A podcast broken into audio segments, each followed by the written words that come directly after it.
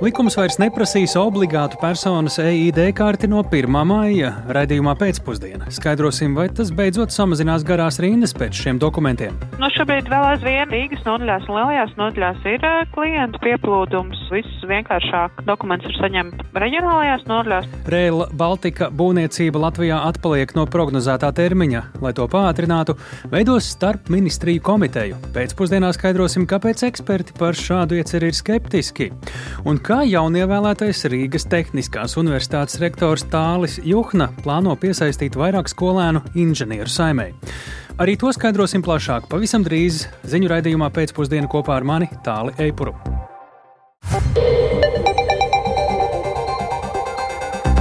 Pūkstens ir 16,5 minūtes. Skan pēcpusdienas ziņu programma, skaidrojot šodien svarīgus notikumus studijā Tālis Eipurs. No 1. māja Latvijā nebūs spēkā prasība par obligātu personu apliecību vai EID karti. Tā par obligātu personu apliecinošu dokumentu kļūs pakāpeniskāk. Tas nozīmē, ka pagaidām personas apliecību nevajadzēs, kamēr spēkā ir derīga esošā pase. Tā kā par pārmaiņām nolems vien šodien apmeklētāju pieraksts pilsonības un migrācijas lietu pārvaldē lielajās pilsētās aizvien ir pārpildīts. Vairāk Jāņa Kīņš ierakstā. Tiem, kuriem ir derīga pasa, elektroniskā identifikācijas karte būs obligāti jāsaņem vien tad, kad beigsies pasas derīguma termiņš. Tā lēmusi Saima, atliekot iepriekš plānoto, ka no 1. maija personas apliecība būs obligāta visiem. Likuma izmaiņas stāsies spēkā nolūkā atslogot pilsonības un migrācijas lietu pārvaldes darbu. Taču pašlaik vismaz lielākajās nodaļās darba nav mazāka kā pēdējos mēnešos, stāsta PMLP pārstāve Madara Puķe. Nu, šobrīd vēl aizvien Rīgas nodaļās un lielajās nodaļās ir klientu pieplūdums. Viss vienkāršāk dokuments ir saņemt reģionālajās nodaļās, piemēram, šodien Ventspilī un Dobalējā no paša rīta principā ir ļoti maz klientu. Vakardien stundu pirms nodaļas slēgšanas Rīgas pirmajā nodaļā bija ļoti maz klientu. Pēc likuma izmaiņu spēkā stāšanās PMLP sagaida mazāku noslodzi. Tomēr vairāku iemeslu dēļ būtiska atslābuma nebūšot. Tāpat tuvojās vasara. Ir cilvēki, kuriem būs jānoformē jau šobrīd EAD karti, jo autotransporta direkcijas transporta atlaides būs pieejams tikai ar EAD karti no vasaras. Tāpat arī gana daudz cilvēku, kuriem beidzās dokumentu derīgam termiņš, viņiem jānāk pie mums. Latvijas radio ceturtdienas rītā pārliecinājās, ka lietotnē Q-tiketi dokumentu noformēšanai ir virtuālajā rindā PMLP Rīgas nodaļās iestāties vai nu nav iespējams, vai jāgaida līdz pat četrām stundām. Vieglāk to paveikt reģionos, piemēram, Madonā, Ludzā vai Limbažos.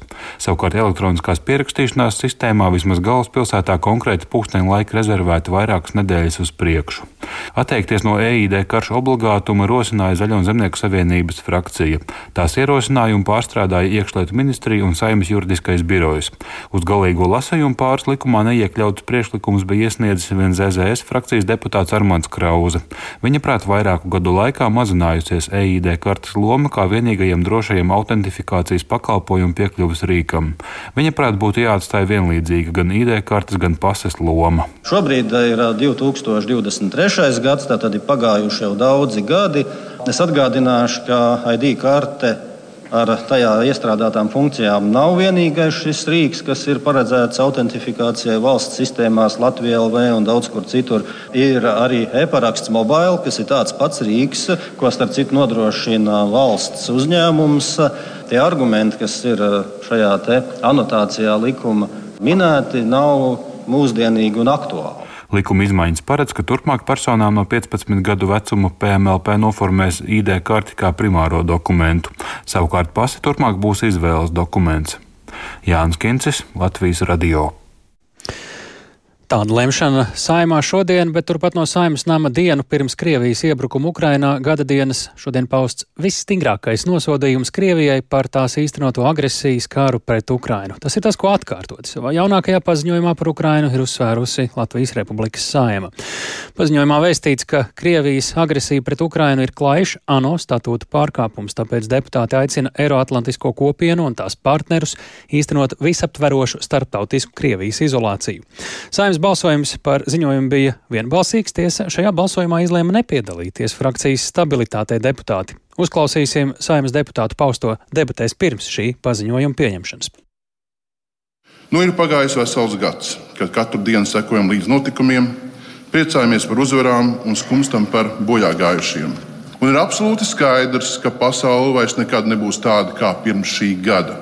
Nebūs, un arī nevajag. Bija pēdējais laiks ieraudzīt Krievu pasaules patiesības bez grīma un pūdera. Mēs labi apzināmies, ka frontes līnija Ukrainā ir arī mūsu frontes līnija. Tādēļ būsim vienoti savas valsts iekšējās un ārējās drošības pilnveidošanā un arī atbalstā Ukrainā.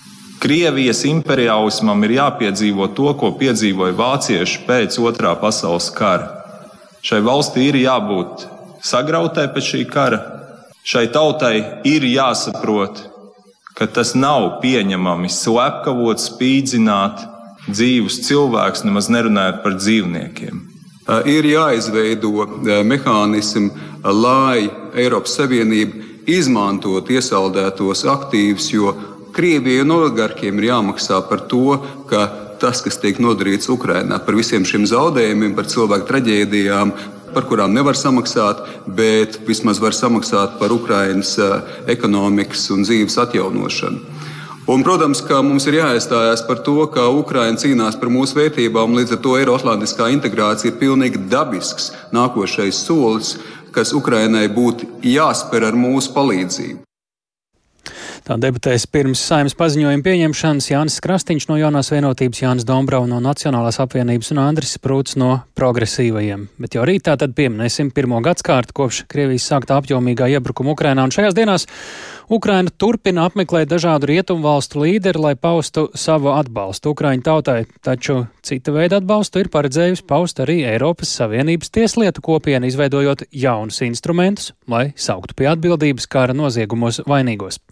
Esam sazinājušies ar kolēģi Uģi Lībieti, kurš ir gatavs pastāstīt gan par jaunākajiem notikumiem Ukrainā, gan par jaunajiem tiesu instrumentiem. Uģi, lūdzu! Jā, sveicināti tālu, sveicināti klausītāji. Nu, um, Kopš ASV prezidenta Džo Baidena vizītes Kijavā ir pagājušas dažas dienas. Vakar tur viesojās arī Itālijas premjerministra Džordžija Meloni. Šodien Ukrainas galvaspilsēta arī netālu esošās Bučas un Irpiņas pilsētas, kas nu, iegājušas vēsturē ar šiem šausminošajiem kara noziegumiem, kas tur tika atklāti.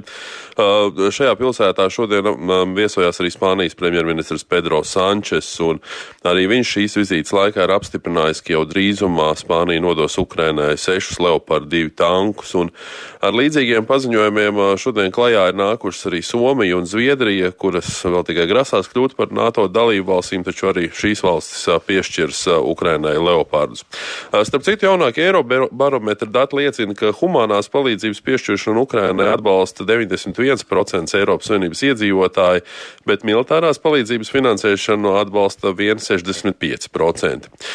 Taču, nu, kamēr ārvalstu solījumi vēl tikai gaida, ja tā var teikt, materializēšanos, tad uh, Krievijas spēki turpina izdarīt triecienus pa objektiem Ukrainā, un šodien uzbrukums ir vērsts arī pret Harkivas apgabalu Kopjānskas rajonu. Tur trāpīts arī vietējās administrācijas ēkai, un zem trupām atrodas cilvēki. Uh, kā šodien ir paziņojuši Ukrainas ģenerālštāba pārstāvi, tad kopš pilna apjoma iebrukuma sākuma Krievija Ukrainas virzienā ir raidījusi gandrīz 5000 raķešu.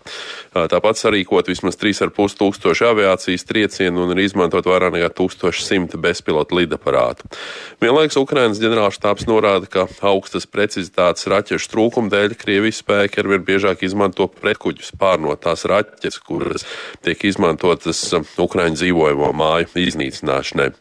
Nu, tuvojoties 24. februārim, kārtībā reizi ir aktualizēts arī jautājums par nepieciešamību izmeklēt dažādos Krievijas spēku pastrādātos kara noziegumus, šajā procesā ar vienu aktīvāk iesaistās arī Eiropas Savienība. Nu, tā, piemēram, Eiropas Savienības aģentūra tiesu iestāžu sadarbībai krimināllietās, jeb um, Eirojost, šodien iepazīstināja ar jauno datu centru, kurā tiks savākti un analizēti pierādījumi par Ukrainā pastrādātajiem noziegumiem. Un um, Eirojost prezidents Ladislavs Hamrans ir norādījis, ka šis centrs sāks darboties šī gada vasarā. Lūk, viņa teiktais.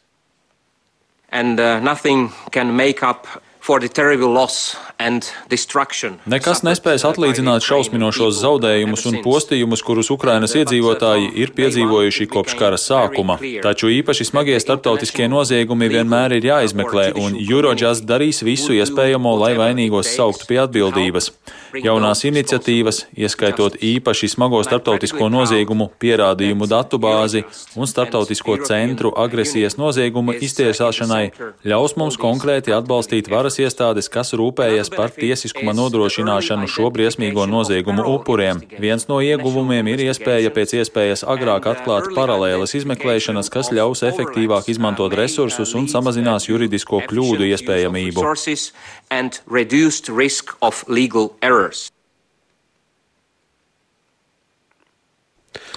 Jā, tik tālu Eirojust prezidents Ladislavs Hamrans. Jā. Paldi. Paldies, Uģi. Tik tālu par uh, svarīgāko, kas šodien ir stāstāms tieši par notiekošo Ukrainā vai ar Ukrainu saistītiem jaunumiem, bet gatavojoties rīt gaidāmajai Krievijas iebrukumu Ukrainā gadadienai, arī šī raidījuma izskaņā mēs izstāstīsim par kādu internetu vietni tepat Latvijā, kurā var vienkopus aplūkot dažādus Ukrainas un Ukrainas bēgļu atbalsta pasākumus visā Latvijā jau tuvākajā laikā. Bet vai ir gaidāma varas maiņa Reizeknē. Tur pirms nedaudz vairāk kā stundas sākusies sēde, kuras darba kārtībā pēdējais eh, apspriežamais punkts ir domas priekšsarātāja Aleksandra Bartaševiča atbrīvošana no amata, to pamatojot ar viņa prokremlisko komunikāciju un sabiedrības šķelšanu. Mēru var atbrīvot, ja par to nobalso vairāk nekā puse domas deputātu. Līdz šim gan izskatījās, ka opozīcijai ļoti iespējams eh, varētu pāris balsu pietrūkt, bet vai tad ir notikusi varas maiņa Reizeknē?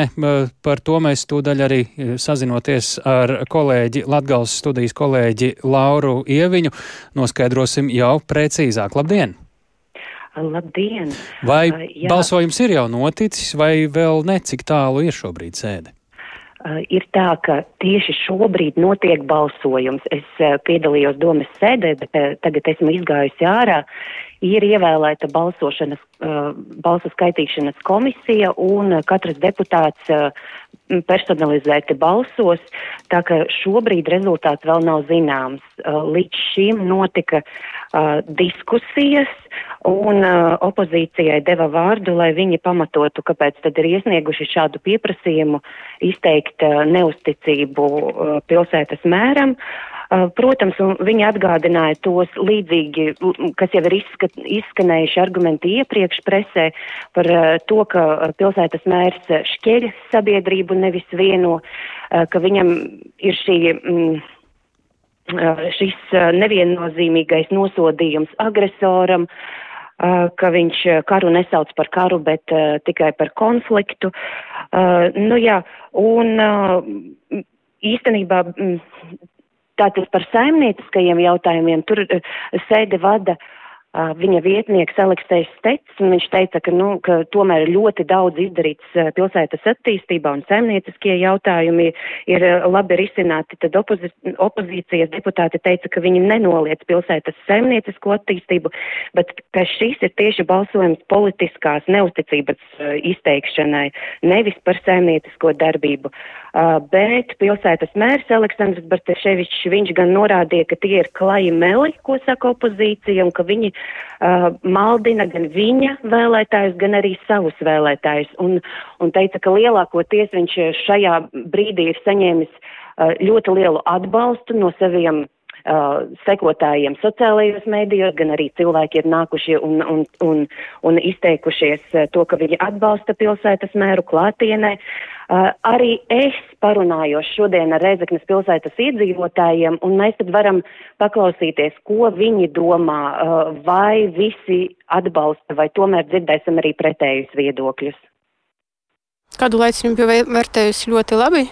Bet pēdējā laikā man liekas, viņš ļoti ir lielu uzsvaru liek uz to visu savu popularizāciju vairāk nekā kaut ko tādu īstenu darīšanu, ko var sataustīt. Bet tā principā ļoti labi. Pozitīvi. Kaut kas jau darās pilsētas labā, kaut kas ceļās tur. Pretenziju man nav. Neteikšu, ka neko viņš nav labu izdarījis. Ne? Piemēram, goru, žēmulu, pelbašeinu. Bet kas to var apmeklēt? Tikai bagātnieki. Un nav taisnība, kā viņš runā, ka Krievija ir apspieši. Ja? Tā tikai liekas Bartaševičam. Kāpēc viņš Ukrainu atbal neatbalsta uz Ukrainas? Vai tā Ukraina Krievijā brauc iekšā? Bombardē tur. Jūs domājat, ka vajadzētu viņu atbrīvot? Noteikti. Nu, ko viņi pieci izdarījis pret tiem pārējiem astoņiem? Nu, neko. Bet pelnījis viņš nav, lai viņš paliktu. Pietiek.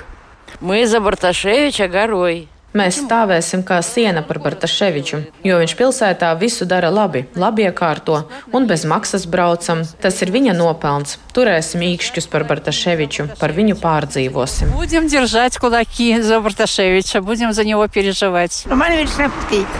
Saskaņa un visas tās partijas. Es esmu pret to visu. Jā, jāmaina. Par darbu to es nezinu, kā viņš strādā. Nu, jā, mēs tagad dzirdējām to, ka cilvēku viedokļi tomēr nav viennozīmīgi. Ir tādi, kas pozitīvi vērtē Bartaševiča paveikto, nu, citi, citi atkal kritizē viņa politisko piedarību, bet kāds tad būs domas deputātu balsojums, to mēs uzzināsim pēc mirklīša. Šobrīd, cik es saprotu, vēl tiek skaitītas balsas, jo aiz durvīm ir klusums. Jā, nu, šobrīd arī to es panākusi, tā teikt, nostāko un nevar pateikt to aktuālo situāciju, bet vērojot šo sēdi, kāda bija tā gaisotne? Um, gaisotne bija mierīga, uh, bet, protams, opozīcijas deputāti izteicās. Nu, viņi, viņi laikam jau paši, man bija tā sajūta, ka viņi paši saprot, ka viņiem neizdosies gāzt mēru, bet uh, ar viņu komentāriem, ar viņu teikto, viņi tā kā uh, vēlējās, uh, lai pārējie deputāti vismaz aizdomājas.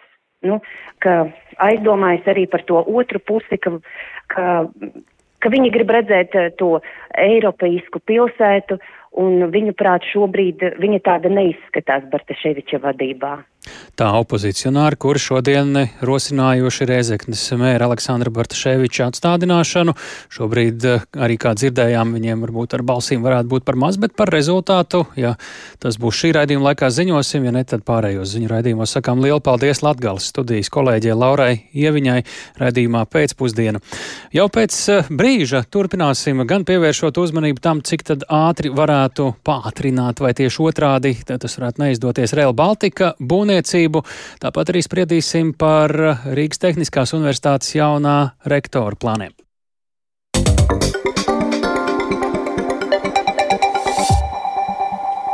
Latvijai šobrīd jāiepērk pieckārt vairāk covid vakcīnu nekā reāli vajadzīgs. Tā paredz senāka vienošanās ar zāļu ražotājiem, un tam jātērē desmitiem miljonu eiro. Tiesa, Eiropas komisija jau risina sarunas ar zāļu ražotājiem par izmaiņām pret covid vakcīnu piegādes līgumos.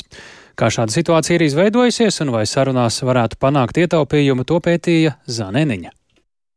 2020. gada jūnijā Eiropas komisija saņēma pilnvaras risināt sarunas visas Eiropas Savienības vārdā par tā dēvētajiem avans pirkumu līgumiem ar farmācijas uzņēmumiem par pretcovid vakcīnas izstrādi. Sākot no 2021. gada nogales ar vairākām firmām - AstraZeneca, Novavax, Pfizer un citām, cits pēc cita tika noslēgta arī desmitiem miljardus eiro vērti līgumi.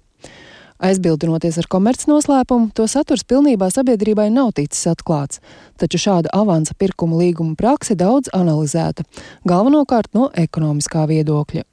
Proti, līguma paredz ilgtermiņa saistības. Vakcīnas tika nodrošinātas tad, kad tās bija ārkārtīgi nepieciešamas, lai sabiedrībā pēc iespējas ātrāk izveidotos kolektīvā imunitāte pret covid un situācija ar saslimstību kaut cik stabilizētos, taču tās piegādā vēl joprojām. Veselības ministrijas farmācijas departamenta direktore Inese Kaupere atgādina, ka tūlīt pēc vakcīnu izveidas to trūka. Turpretī tagad līgums paredz milzīga lieka vakcīnu daudzuma iegādi. Turpina Ines Kaupere. Šobrīd šī vakcinācijas aptvere nav tāda, kā mēs plānojām, kad mums bija šīs delta variants un kad bija ļoti augsta saslimstība. Tā ir mainījusies, ko, protams, tajā laikā nevarēja paredzēt.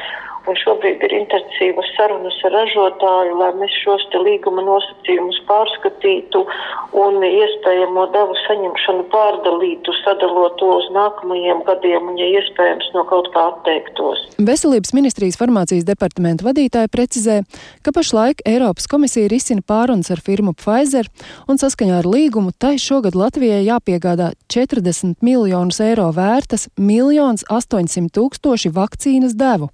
Pēc veselības ministrijas aprēķiniem šogad vajadzētu 330 tūkstošus devu, tātad gandrīz 5,5 reizes mazāk. Atbildot uz jautājumu, kāpēc parakstīt šādu līgumu, kas nes zaudējumus, Rīgas Stradiņa Universitātes sabiedrības veselības katedras asociētais profesors, uzņēmuma reforma padomas priekšsēdētāja vietnieks Dins Šmits skaidro. Tas ir neizdevīgi no šodienas skatu punkta, bet tad, kad līgums slēdza, bija kaujas situācija. Vakcīnas bija ļoti, ļoti nepieciešamas, nebija iespējams precīzi prognozēt, pēc kāda scenārija pandēmija attīstīsies, nevarēja paredzēt, ka uzrādīsies mazāk bīstams vīrusu paveids omikrons, un ka sākotnēji uz visiem iedzīvotājiem aprēķinātie devu daudzumi izrādīsies tagadējām vajadzībām neatbilstīgi. Stāsta Dins Šmits. Viens elements ir arī tātad, kas uzņemās risku attiecībā uz neefektivitāti un blakus efektiem, kas ir normāla praksa, ja valdība saka, izstrādājiet ātrāk, mēs ļaujam jums neņemt vērā standarta procesu. Eiropas komisija arī uzņēmās varbūtējo pārmaksas un pārprodukcijas risku, kurš tagad ir iestājies. Kā liecina veselības ministrijas pārstāvis Ines Skaupers teiktais, nav runas par naudas atgūšanu vai par lieko vakcīnu aizstāšanu ar citiem nepieciešamākiem konkrētā ražotāja medikamentiem. Visticamāk, izdošoties panākt, ka vakcīnu piegādes sadala uz turpmākajiem gadiem. Sarunās, kas iepriekš notikušas ar citām farmaceitiskajām firmām, esot sasniegts līdzīgs risinājums. Zana Eniņa, Latvijas radio. Par vēl vienu procesu valstī, kur veids sliktāk nekā varētu vēlēties, dzelzceļa projekta Rail Baltica būvniecība Latvijā no prognozētā termiņa atpaliek no jau par četriem gadiem. Lai tempu pātrinātu, plāno izveidot starpministriju komiteju, kas palīdzēšot risināt dažādas grūtības. Komitejas locekļiem par darbu nemaksāšot un arī grupas izveidēja naudu nevajadzēšot. Kāda jēga būs no šīs komitejas un par ko, ko par to saka eksperti, vairāk Viktora Demīdova ierakstā.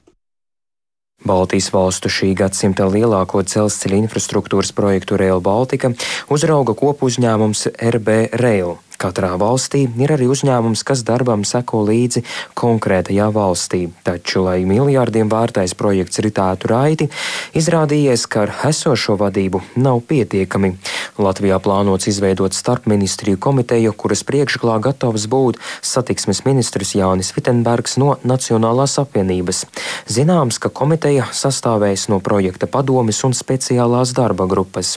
Cik liela šī komiteja būs, Vitenbergs nevarēja pateikt, norādot, ka tajā būs pārstāvētas ne tikai ministrijas un valsts sekretāri, bet arī speciālisti, kas būšot palīgi gan pieminētajam uzņēmumam RB Rail, gan arī Eiropas dzelzceļa līnijām, kas projektu uzrauga Latvijā, turpina Vitenbergs. Projektā kavējas e, zemju atsevināšana, un e, šis projekts ir e, gara, lineāra inženieru būve. Esošais regulējums būtu nepieciešams pilnveidot, un nu, tas varētu būt kopīgs darbs starp satiksmes ministriju un tieslietu ministriju. Ja. Tāpat arī arī nav bijusi stabila finanšu resursu plūsma, ja, lai, lai varētu nodrošināt tādas nepārtrauktas darbas arī un, un to nodrošināt nākotnē. Tādēļ, nu, tur, protams, kopīgs darbs satiksmes ministrijai, finanšu ministrijai. Ja, tāda ierēdnieciskā parastā kārtība var aizņemt eh, nedēļām pat mēnešiem ilgi, lai saskaņot dažādas jautājumus. Tā kā mēs nedrīkstam kavēties, ir jāpātrina projektu norises, un eh, es tiešām ceru, ka šī grupa palīdzēs projektu padarīt raitāku, jau un pat liekas dīvaini, ka šāda grupa nav bijusi izveidota iepriekš. Komitejas dalībniekiem algu par darbu nemaksāšot, un arī komitejas izveidei nauda nebūšot vajadzīga. No vienas puses tas ir pareizi, bet no otras puses, cik motivēti būs komitejas locekļi. Tam uzmanību pievērš Baltijas korporatīvās pārvaldības institūta viceprezidents Andris Grafs, atzīmējot, ka svarīgumu Rail Baltica jautājumam noteiks politiķi tiešām skatos uh, piesardzīgi, jo viens jautājums tiešām ir tas jautājumu lokus, uz ko šī padome, gan darba grupa komiteja uh, koncentrēsies, lai tas neapskata tos jautājumus, kas ir tiešā RB reāli kā kopuzņēmuma un Eiropas dzelzceļa līnija kompetencija, bet vai tiešām tā koncentrēšanās būs uz valsts pārvaldes lēmumiem un valdības lēmumiem.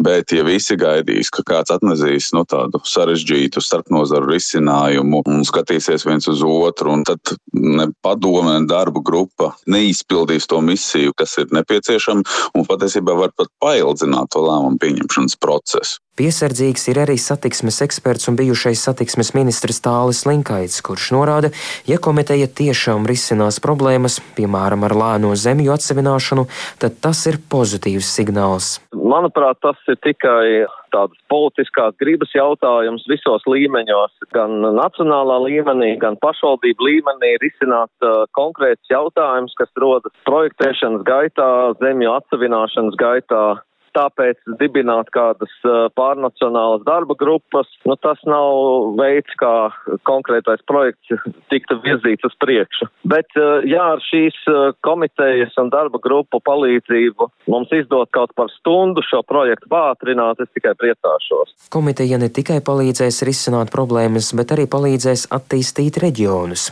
Tā atzīmē Rail Baltica kopu uzņēmumā RB Rail. Ja viss noritēs raiti, starp ministriju komiteja varētu sākt strādāt jau pāris nedēļu laikā. Baltijas valstīs tā būs pirmā, bet kā norāda uzņēmumā, tad Igaunijā un Lietuvā ir uzraudzības grupas, kas projektam seko līdzi. Viktors Demidovs, Latvijas radio.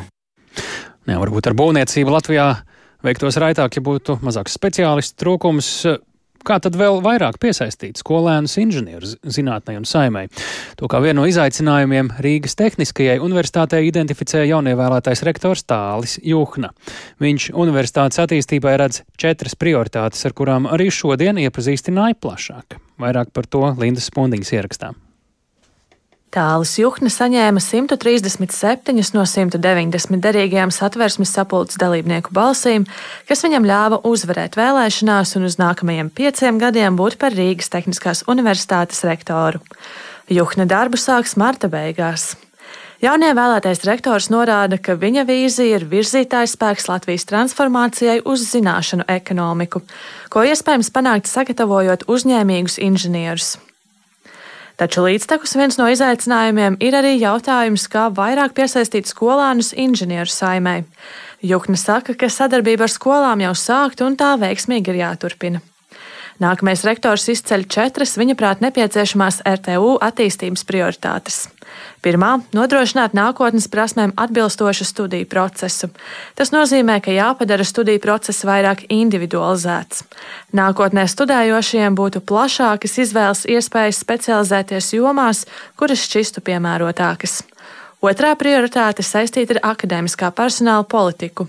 Turpina tālus Juhna. Mums vajadzētu veidot tādu personāla politiku, kura ir eh, vairāk atvērta jauniem talantiem, starptautiskiem mācību spēkiem, un arī tāda politika, kas ir drošāka tiem cilvēkiem, kas ir Rīgas Tehniskā universitātē strādājuši un turpina strādāt pētniecisku un akadēmisko darbu. Trešā prioritāte - paaugstināt RTU prestižu. To var saistīt ar citējamību un publicitāti augstāka mēroga zinātniskajos žurnālos, kā arī svarīga ir sadarbība ar industriju. Studenti agrīnā stadijā jau strādā pie dažādiem industrijas izaicinājumiem. Mums ir tāda programma kā Studenta inovācija granti, kur mēs redzam, ka tas ir ļoti attraktīvi pašiem uzņēmumiem. Otrs ir tieši doktorantūra. Jāveicina tas, ka doktorants strādā gan universitātē, kā pētnieks, gan arī viņš jau doktorantūras laikā izstrādā produktus eh, industrijām. Savukārt ceturtā prioritāte Juhnas redzējumā ir universitātes pārvaldības sistēmas pilnveidošana, padarot to efektīvāku. Universitātes studentu parlamenta prezidente Anita Tarāsova saka, ka studenti ir priecīgi, ka RTU būs pārmaiņas. Tāls mums ir tāds jau zināms cilvēks un ir strādāts kopā, teiksim tā, līdz ar to mēs esam ļoti priecīgi, jo redzot arī kāda ir tā tāļa vīzija un redzējums. Mēs esam uz viena viļņa, mums sakrīt domas par lietām, kas ir jāuzlabo, par lietām, kas ir jāattīsta. Mēs esam tiešām ļoti, ļoti priecīgi par to, ka tieši tālis būs mūsu rektors un vadīs mūsu universitāti tālāk. Tālis Juhnu uzsver, ka īstenojot izvirzītās prioritātes, RTU iekļūst starptautisko reitingu 500 labāko universitāšu sarakstā un kļūs par ilgtspējīgu Baltijas vadošo tehnoloģiju universitāti. Šie ir arī jaunā rektora sasniedzamie uzdevumi, kurus izvirzījusi RTU padome. Linda Spundiņa, Latvijas radio. Un šobrīd esam sazinājušies ar uzņēmēju Saftehnika valdes priekšsādātāju Normundu Bergu. Labdien! Labdien! Mēs esam tikuši pie jauna valstī galvenās tehniskās augstskolas rektora. Vai tas, ko mēs dzirdam no viņa prioritātēm un virzieniem un redzējumu, atbilst tam, ko arī uzņēmēji vai jūs sagaidītu no Tehniskās universitātes? Nu, pirmkārt, jāsaka, ka nu, tāls jūkni jau nav nezināms lielums. Nu, gan, gan viņu, gan uh, otru pretendentu Jānu Grēviņu, nu, mēs pazīstam sen, jā. Un es domāju, ka viņi abi divi bija brīnišķīgi kandidāti un tiešām mūsu sveicieni tālim jūknam. Uh, nu, ziniet, kā stratēģijas un, un programmas ir brīnišķīga lieta, un tur tiešām nav neviena nepareiza vārda. Uh, nu, visu jau noteikts tā īstenošana. Tas, uh, nu, kādā veidā šīs te stratēģijas vai kā šīs prioritātes tiks ieviestas dzīvē. Nu, kas te būtu jāsaka, par izaicinājumiem tad? Nu, izaicinājumi ir ārkārtīgi praktiski. Nu, jūs saprotiet, uzņēmumiem jau nevajag zinātniekus vispār. Uzņēmumiem vajag katram konkrētam uzņēmumam vajag tādus zinātniekus, kas dziļi zina šī uzņēmuma tēmu. Un tā ir tas reālā dzīvē nedarbojās. Ja? Un tas, tas ir tas lielais izaicinājums - atrast tādas zinātnieku un doktorantu grupas tehniskajā universitātē, kas strādā pie tādām tēmām, kas ir aktuāls konkrētiem uzņēmumiem. Ja? Nu, teiksim, šī te nu, precīzā sakaba ir tas svarīgākais. Uh, un, nu, tur ļoti daudz niansēm ir nozīme. Bet tas, ko mēs redzam, nu, kā virziens, un, un tas process notiek, notiek pareizā virzienā. Ja? Parādās uh, doktorantu programmas, kuras ir savienotas, sakabinātas ar uzņēmumu interesēm.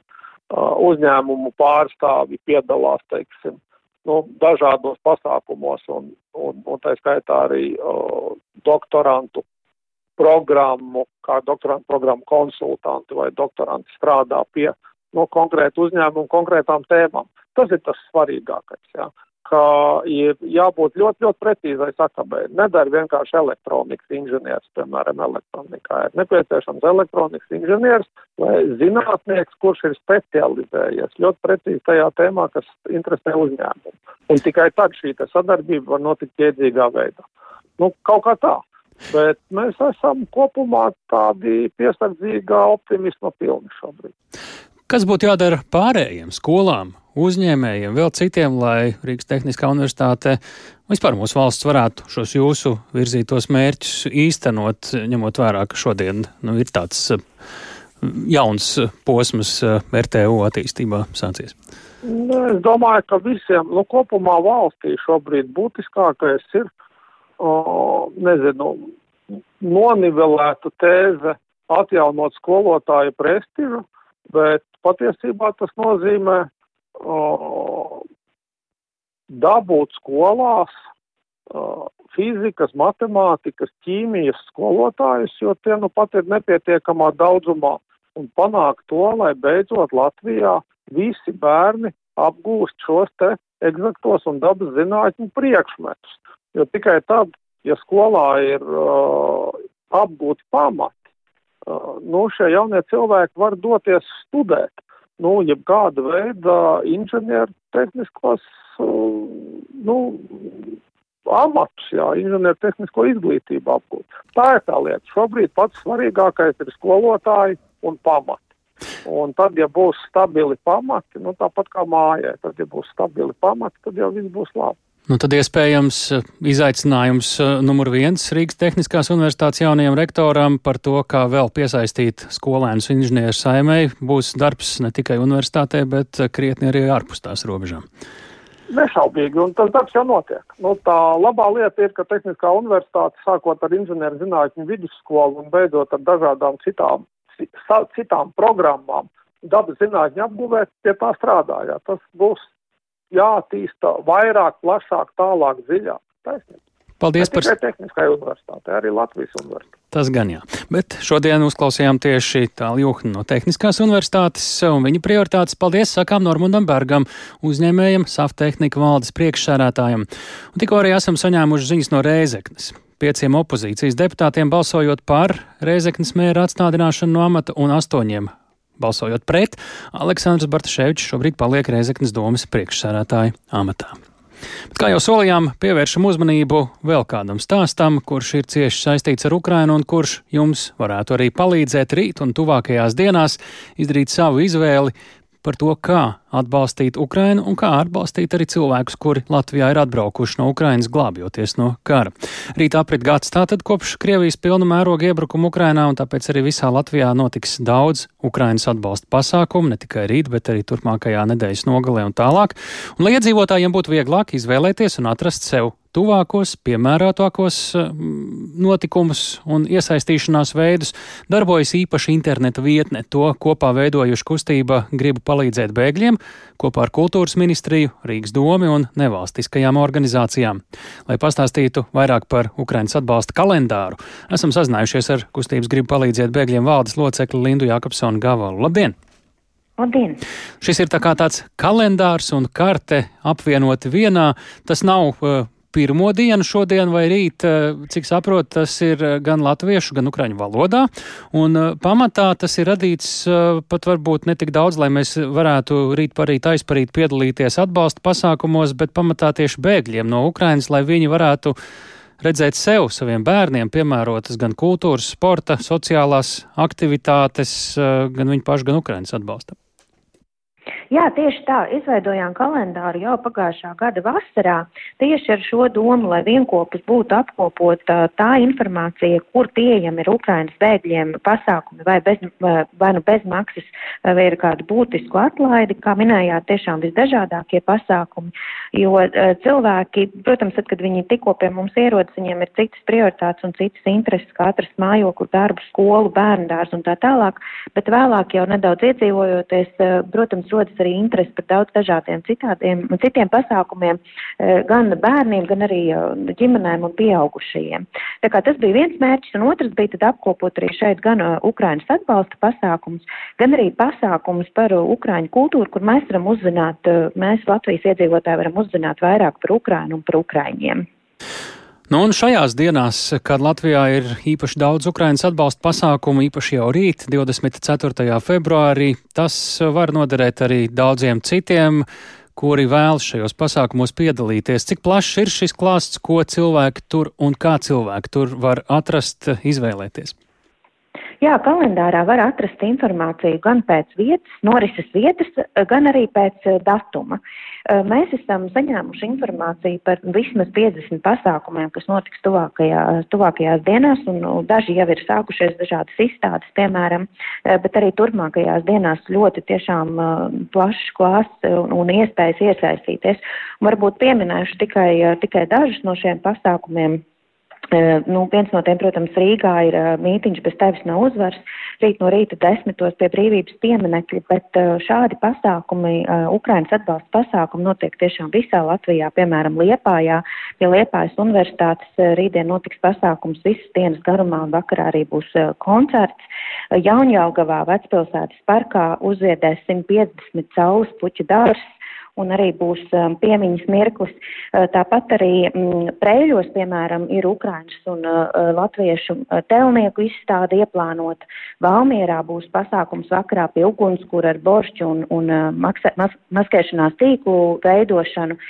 Tāpat, piemēram, Mārupē um, cita veida pasākums varbūt būs iespējams visas dienas garu, garumā Mārupas iedzīvotājiem dažādās vietās ziedot, un, eh, lai tas varētu būt iespējams, būs eh, vairākos maršrutos kursēs autobus, lai iedzīvotājiem būtu vieglāk šos ziedojumus nogādāt. Un tāpat jāsaka, ārkārtīgi daudzās Latvijas vietās notiks sveču liešana, un pieminēšu tikai dažas - ķekava, valmiera, mālpils, nīca, durbe, vaņota, sigulda, inčukons, jaundērs, tilža, bet šo vietu tiešām ir daudz, daudz vairāk. Tā kā es domāju, ka no vienas puses mēs gan atcerēsimies šo te dienu pirms gada, kad sākās šis lielais iebrukums Ukrainā, gan arī mēģināsim uh, turpināt Jā. parādīt to, kā mēs palīdzam Ukrainai. Un pavisam īsi, kā šo vietni atrast? Šo vietni var atrast, eh, tās nosaukums ir poģī.lv. Uh, bet varbūt pēc šī nosaukuma būs to grūti atrast. Jā, tas sarežģīta rakstība nedaudz, jā. ar Rīgreka burtu.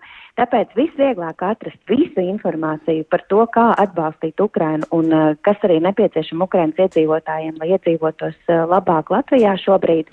To visu var atrast vien, vienkopus palīdz Ukrainai.lv lapā palīdz Ukrainai.lv. Tieši tik vienkārši. Mēs sakām lielu paldies eh, Lindai Jakobsonai Gavalai, kustības grib palīdzēt bēgļiem valdes loceklē. Tātad viens no centrālajiem notikumiem pavisam noteikti Latvijā ir rīt gaidāmais mītiņš pie brīvības pieminekļa pulksten desmitos, bet ne visi var, protams, atbraukt uz Rīgu. Un šī ir iespēja jums piedalīties un atbalstīt Ukrainu ne tikai šajās dienās, bet arī paskatīties kalendārā krietni uz priekšu. Tas ir iespējams. Mēs sakām lielu, lielu paldies visiem, kuri klausījās tiešraidē. Latvijas radio viens ziņdienas sagatavoto raidījumu pēcpusdiena. To veidojām mēs Tāls Eipurs, Ilzā Ginta, Rita Karnača, Kaspars Groskops. Viens no šīs dienas centrālajiem notikumiem, piemēram, bija Rēzeknē, kur notika balsojums par mēra Aleksandra Bartaševiča atstādināšanu. Viņš saglabā amatu, bet mēs tiekamies atkal rīt, jau 24. februārī.